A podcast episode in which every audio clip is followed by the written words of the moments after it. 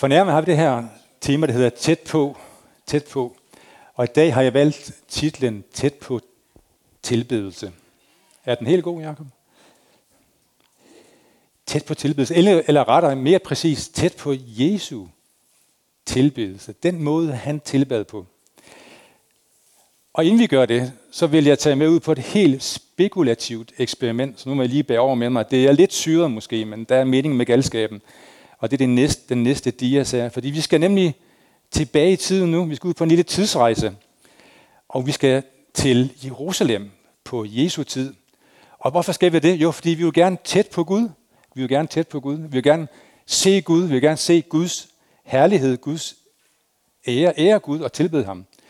Så nu lander vi altså i Jerusalem i år 33, og øh, det første, man, vi skal gøre, nu er vi sammen her, ikke? det første, vi skal gøre, det er at finde Guds adresse. Fordi dengang, der boede Gud et helt bestemt sted. Så hvis man skulle tilbyde Gud og helt tæt på ham, så skulle man først slå op og så finde Guds adresse. Jeg ved ikke, om de har Google dengang, måske havde de. Og, øh, så det gør vi, og det er selvfølgelig jødernes tempel i Jerusalem. Og det første, man kommer til, når man kommer til templet, det er hedningernes foregård. Og denne her foregård, skal I forestille jer, at der var masser af liv. Der var rejsende, eller turister, om du vil. Der var vekselerer. Der var købmænd. Der var undervisning. Det var den, vi, vi læser i øh, Apostlenes Gerninger, at her var, her var Salomons søjlegang. Og det var omtalt som det sted, hvor den første menighed, de samlede sig. De, de blev de her gudstjenester om søndagen. Og så prøv at forestille jer, nu går vi over her og snakker med en jøde. Og så siger vi, hej, vi er danskere, og vi kommer fra Vineyard, du ved, øh, John, John Wimber og Flemming Mølhed og sådan noget, ikke? Og, og øh, vi vil gerne tæt på Gud. Hvordan kommer vi det? Så vil ham jøden sige, jamen, øh, det er I velkommen til. Men I kommer ikke tættere, end den her foregår. Og nu er jeg jo jøde ligesom Flemming, så jeg, og der ved vi, i Jylland alt er til forhandling. Altså, alt er til forhandling. Priserne, selv i netto, er til forhandling. Og øh, så vi vil selvfølgelig højlydt protestere og sige, nej, ja, vi skal helt tæt på Gud. Og så vil jøden pege over på det næste foregår, og det var kvindernes foregår. Her kunne kun jøderne komme ind. Og for at markere skældet mellem ikke-jøder og jøder, så var kvindernes foregår hævet cirka 3 meter. Og så stod der den her sten i skældet på latin og på græsk, og der stod det sådan her. En hver ikke-jøde, som, som pågribes der, kan takke sig selv for, at døden blev følgen. så kan vi spørge vores jødiske ven, jamen vi vil så gerne helt tæt på Gud. Hvordan, hvordan gør vi det? Så kan han sige, så skal du først ind i kvindernes foregård, og dernæst, så skal du ind i mændenes foregård, og til sidst, så skal du ind i præsternes foregård. Og så siger vi, jamen vi vil ikke kun være i foregården, vi vil helt tæt på Gud. Og så siger han, jamen så skal du ind i det helligste først. Og skal du ind i det helligste, så skal du ikke blot være en mand og en jøde. Så skal du yderligere tilhøre en bestemt stamme, der hedder Levi-stamme, og yderligere skal du være indviet som præst. Så kan du gå ind i det helligste. Og som god jøde vil jeg så sige, at vi skal helt tæt på Gud. Og så vil han sige, jamen, så skal du ind i det allerhelligste. Og derinde, der kommer kun én person. Det er ypperste præsten. Og han kan kun gå ind én dag om året. En person, en dag om året kommer helt tæt på Gud. Og tænk så her i dag, der har Jesus, han har åbnet det allerhelligste. Og vi kan komme helt tæt på Gud i dag. Og øh, i dag vil jeg slå ned på en nytestamentlig tekst, hvor vi pludselig får et vindue til Jesu egen tilbedes. Og der er ikke mange tekster i Nye Testamentet. Kan du tænke på en eneste, hvor vi ser Jesu tilbede? Prøv at tænke om. Kan du tænke på det? Vi ved masser om Jesu bønsliv. Fader vor i Lukas 11, det næste kapitel. Johannes 17, den ypperste præstlige bøn. Men hvor Jesus tilbeder, det er der ikke mange tekster af. Og så pludselig, midt i Lukas 10, der går det himmelske mørklægningsgardiner fra. Og pludselig har vi et klart og helt utilsløret billede af Jesu eget forhold til Gud. Og inden jeg læser teksten, så skal jeg sige, at konteksten her, det er, at han har sat 72 disciple i stævne. Så han bemyndigede dem og sendt dem ud i mission. Og så kommer de tilbage, jeg ved ikke, om vi kan forestille jer det. De er sådan helt opstemte, fordi så siger de, jamen, de har forkyndt evangeliet, og Gud har stadfæstet forkyndelsen med tegn og under. De oplever helbredelser, djævleuddrivelser. De er helt oppe at køre. Og det er det øjeblik, lige i det øjeblik, der får vi sådan et helt kort tidsvindue på et sølle vers i Lukas evangeliet, hvor vi ser Jesu tilbede. Det er ikke meget, vel? Det er lidt karigt, men uh, nu læser vi det. To vers, lad os læse sammen. I samme stund jublede Jesus i helligånden og sagde, jeg priser dig, Fader, himlen og jordens herre, fordi du har skjult dette for de vise og forstandige, og åbenbart det for de umyndige. Ja, Fader, for således var det din vilje. Alt har min fader overgivet mig, og ingen ved, hvem sønnen er, undtagen faderen. Og ingen ved, hvem faderen er, undtagen sønnen, og den, som sønnen vil åbenbare ham for. Jeg har fire overskrifter, og den første, der kommer her, at tilbedelse tæt på, det er først og fremmest tilbedelse af faderen. Jesus siger jo her, jeg priser dig, fader. Jeg priser dig, fader. Det første, vi lærer her, det er, at et ret forhold til Gud, sand tilbedelse, det er at tilbede vores far. Vi kender også det her samme fra bønden Fader vor. Og det, som ikke umiddelbart slår igennem, når man læser en dansk bibel, det er, at øh, her i Bibelen, der kommer der et aramæisk ord, der hedder Abba. Og Abba, det er ikke kun sådan en popgruppe op i Sverige, eller var en popgruppe i Sverige engang. Det er altså også et, et aramæisk ord. Og selvom at Bibelen er skrevet på græsk, eller i hvert fald det Nye Testamente, så har den her, det her aramæiske ord overlevet oversættelsen. Abba. Og øh, det var det sprog, aramæiske var det sprog, som Jesus talte til hverdag. Og Abba, det hørte sådan hjemme i familien. Det har sådan lidt samme klang som daddy på engelsk, eller pappa på svensk, eller farmand på dansk. Og det er jo helt uhørt på Jesu tid. Respektløs, nærmest blasfemi, at tiltale Gud som farmand. Vi ved, at cirka 300 år før Kristus, så holdte jødernes Guds navn så helligt, at de ikke blev udtalt det. I stedet så brugte de et andet ord for Gud, nemlig Herren, Adonai på hebraisk. Også i de gamle testamentlige tekster, når de skrev dem og omskrev dem, så i stedet for Guds navn, som er fire konsonanter, J, H, W, H, så satte man tre konsonanter, eller tre, så satte man, så satte man tre vokaler ind i stedet for. Og det var ikke for, at man skulle udtale ordet Jave. Ej, det var for, at oplæseren kunne læse ordet Adonai i stedet for, fordi Guds navn var så helligt. Man kunne ikke skrive det, og man kunne heller ikke udtale det.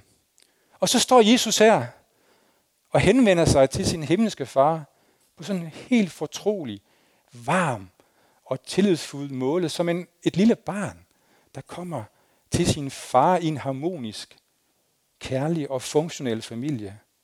Og det Jesus siger her, det er ikke bare banebrydende dengang. Det tror jeg også er banebrydende i dag, fordi, og især efter det, vi kender i Europa som oplysningstiden. Fordi Gud er ikke blot den her tilbagetrukne Gud. Han er ikke bare sådan en fjern skaber. Han er ikke en upersonlig kraft. Han er ikke den her urmager, som har designet nogle naturlove, og så får det efter at gå på pension. Nej, det Jesus siger her, det er, han er den altid tilstedeværende og nærværende, kærlige far i vores liv. Det betyder ikke, at vi har svar på alt. Det betyder ikke altid, at Gud griber ind i historien, som vi gerne vil. Vi må leve med den sårbarhed og den dødelighed, som, som verden er en del af. Og disse her negative konsekvenser, de bliver jo først endelig definitivt ophævet, når Jesus kommer tilbage. Men Gud forlader os aldrig. Og vi er altid, vi er altid allerede elsket af ham. Han er vores far. Og vi kan vende os til ham i tilbedelse med den samme selvfølgelighed som et barn, der kommer og siger far. Eller som min lille og eneste første, og håber ikke, forhåbentlig ikke sidste barnebarn kom i går og sagde, farfar, farfar. Den samme måde kan vi komme til Gud på. Tilbedelse tæt på, det er tilbedelse af Gud som, som far. Det næste, vi læser, det er at tilbedelse tæt på, det er tilbedelse af i ånden. I ånden. Der står her, i samme stund jublede Jesus i Helligånden. I Helligånden står der.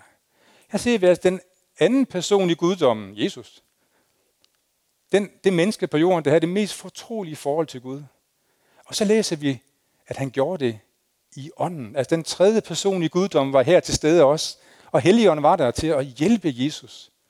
Til at sætte ord, til at tilbede Gud som far. Så her hele treenigheden i funktion.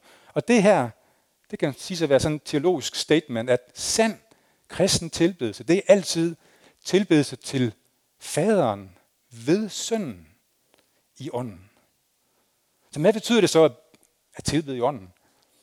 Prøv at læse Johannes 4, der siger Jesus sådan her, der kommer en time, ja den er nu, da de sande tilbedere skal tilbede faderen i ånd og i sandhed. Gud er ånd, og de, som tilbeder ham, skal tilbede i ånd og sandhed.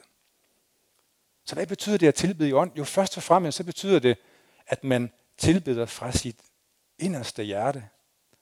Altså sand tilbedelse er ikke længere et bestemt sted. Det er ikke en bestemt måde at gøre det på. Det er ikke, du skal ikke være i en bestemt sindstilstand. Sand tilbedelse, det er tilbedelse indefra. Det er i ånden. Men det er mere, det er i ånden og i sandhed. De to ting må ikke skilles af. Sandhedens ånd og åndens sandhed. Ingen af dem kan være for uden hinanden. Tilbedelse kommer inde fra hjertet, men det er ikke, wow, men det er ikke hvilken som helst tilbedelse. Det er en tilbedelse i ånd og i sandhed. Og sande tilbedere, de kommer på banen, når vi lærer sandheden at kende. Og sandheden, den har et navn. Det er Jesus. Det er Jesus. Så vi kan, ikke, vi kan ikke tilbede uden først at lære Jesus at kende. Og det her med at lære Gud at kende som faderen, det er ikke primært noget med dit intellekt at gøre, eller din forstand. Det er ikke noget, vi kan læse os det. Det siger Jesus også helt klart i teksten i dag. Han siger, ingen ved, hvem faderen er, undtagen sønnen. Og den, prøv at mærke til, den som sønnen vil åbenbare ham for. Den som sønnen vil åbenbare ham for. Vil du lære Gud at kende? Vil du lære at tilbede faderen i ånden? Så siger Jesus, så siger Lukas her, så er det en gave. Du kan ikke læse dig til, det er bare en gave. Det er en åbenbaringsgave. Og den giver Jesus til alle, der ønsker at modtage den. Og gensvaret på den gave, det, det er tilbedelse. I ånden. Det tredje, vi skal sige, det er tilbedelse. Det er tilbedelse med glæde. Der står her, i samme stund jublede Jesus. Der står, han jublede. Jeg husker sådan en, øh, jeg tror det var Seferellis filmatisering af Jesus, hvor den her scene bliver gengivet. Så man ser de her 72 disciple komme tilbage, de er vilde, fordi Gud har brugt dem, og de har smidt dæmoner ud, og doing the stuff, som John Wimber vil sige. Ikke? Og, og så ser man øh, sådan et sceneskift, så kommer Jesus, han går sådan, han går sådan til siden, ikke? og så er der sådan et, et sceneskift over mod en solnedgang, og så står han sådan her lige så stille og roligt. Og så står der, så siger ham der fortælleren i filmen, og Jesus frydede sig i ånden, sagde det så. Jeg tror, det er sådan lidt vesteuropæisk fremstilling, fordi vi er så blufærdige, når det kommer til det her med, med de åndelige ting. Altså, der står, at han frydede sig. Det er et stærkt udtryk i teksten. Det, det, det betyder en åndelig glæde, en salig himmelsk fryd, en henrykkelse, en henførelse. Det er et ord, som ikke vi finder andre steder, og som ikke bruges noget andet sted forbundet med Jesu liv. Men her er det i vores tekst i dag. Han jublede, står der. Og grundtonen i tilbedelse er altid glæde. Det er altid glæde. Hvis du ser vækkelseshistorie, også Vinjers egen historie, så kommer glæden ind, når at tilbedelsen den frigøres. Jeg kan huske, øh, i øh, starten af 90'erne, der boede Birgitte og jeg over i London og øh, i tre år. Og så skulle vi på en John Wimber-konference. Yes, jeg er en af de få nulevende mennesker her i, i den her sal, der har været til en ægte John Wimber-konference og set ham i live. Og jeg kan huske, at jeg kom der så sådan en ivrig student med min, øh, med min notathæft under armen. Og så kom jeg til Docklands i London, og så skulle jeg høre John Wimber. Og øh, så startede gudstjenesten der. Jeg synes, det var sådan lidt flat. Sådan, altså, Øh, det var sådan lidt uorganiseret, tilgiv mig. ven jeg. Og øh, vi begyndte sådan at spille lidt og tilbede, og, og så tænkte jeg, hvornår kommer det? Altså, hvornår kommer John Wimber? Det var for mig, var John Wimber, ikke? Og ordets forkyndelse og sådan noget, ikke? Og, og der var noget mere lovsang, og der var sådan igen ingen mødeledelse, og sådan lidt mere lovsang, og jeg tænkte bare, hvornår, hvornår kommer det? Og så efterhånden, sådan, der var gået kvarter 20 minutter, så gik det op for mig, at, at det var kommet faktisk. Altså, det var faktisk slet ikke John Wimmer, det handlede om. Det var faktisk det at tilbede Gud som far. Og så måtte jeg lige slå min forstand til og sige, nå ja, det er, jo, det er jo det, det handler om. Det er jo, at vi skal ære Gud, og det er ham, der skal være fokus. Og så måtte jeg ligesom bøje mig i støvet, og så kom ind i tilbedelsen. Den her glædelige tilbedelse, der var en fantastisk lovsang og tilbedelse. Og sådan er det, at når, når at vi skal tilbede, sand åndelig tilbedelse, det er altid tilbedelse med glæde. Nogle gange så giver det her så udtryk i ydre ting. Vi kan klappe, vi kan danse, vi kan juble. Andre gange så tror jeg, at glæden også kan tage sig udtryk i mindre håndgribelige måder. Altså en indvendig glæde. En glæde over at være faderen nær. En glæde over at have Jesus som ven. En glæde over at en glæde over den, det håb, vi har i ham, at en dag, så skal vi altid være sammen med ham. Så tilbedelse tæt på det er også tilbedelse med glæde. Og det fjerde og det sidste, jeg skal sige, det er her i teksten, at tilbedelse tæt på, det er også tilbedelse med ærefrygt. Jesus han siger jo her, jeg priser dig, Fader, himlens og jordens herre. Vores første punkt, det var jo, at Gud er, sand tilbedelse, det er at tilbede Gud som far. Men så møder vi sådan her i teksten egentlig en dobbelthed. Ikke? En modsætning. Men man, man fristes jo næsten til at sige en modsigelse. Fordi Jesus han siger jo i samme åndedræt, at Gud er hans far, og på samme tid er Gud hans herre. Han er ophøjet. Han er kongen. Han er majestæten. Så på en og samme gang, så slår Jesus jo to toner an. Og det, det som på overfladen kan se ud som en modsætning. Det er i virkeligheden bare en samklang. Og her må vi som alle andre steder i Bibelen fastholde et både og. At Gud han er både nær, men han er også samtidig højt ophøjt. At den Gud, som vi kan kalde vores far eller farmand, han er også på samme tid vores herre og konge. At den Gud, som vi kan have et fortroligt forhold til, den relation er på samme tid også præget af en ærefrygt. I teologiens verden, der har man forsøgt at beskrive den her dobbelthed med to teologiske ord, der hedder transcendens og immanens. Så som den transcendente Gud, der er Gud hinsides alt og alle. Han er kongen. Han sidder på tronen. Hans magt er uantastelig. Men som den immanente, der er han iboende. Han kan komme tæt på os. Vi kan kalde ham farmand. Han kan da bo midt i vores hjerte. Og derfor skal vores tilbedelse og lovsang også reflektere den her dobbelthed. Jeg tror ikke nødvendigvis, det er sådan, at hver gang vi tilbeder, så er begge aspekter med hver eneste gang, vi tilbeder for eksempel i en gudstjeneste. Men begge aspekter er væsentlige og har samme gyldighed. Nogle gange så er vores gudstjeneste søndag morgen og i vores eget liv præget af en fest, en højtid, præget af det her fortrolige venskab med Gud. Ikke? Vi er tilbage i den trygge familie foran pejsen, ikke? eller ved middagsbordet. Men andre gange, så kommer Gud og åbenbarer sig som kongen, som majestæten, som den, der er hinsides. Og denne åbenbaring, den kan skabe en helt anden stemning. Den åbenbaring kan indgyde en gudsfrygt. Og man kan også se folk fysisk knæle ned for Gud, for eksempel. Og Guds frygt er måske sådan lidt negativ, har måske lidt negativ klang i dag. Men kernen i Guds frygt, det er i virkeligheden bare æresfrygt. Og det, den ærefrygt, der kommer og kan komme til en som en gave, det er resultatet af at være tæt på Gud. Og når vi er tæt på ham, tænk på det på den her måde, når vi er tæt på Gud, jamen så er det jo let at blive overvældet af ham. Hans storhed, hans almagt, hans sandhed, hans kærlighed. Så Guds frygt og ærefrygt, det er ikke at være bange for Gud.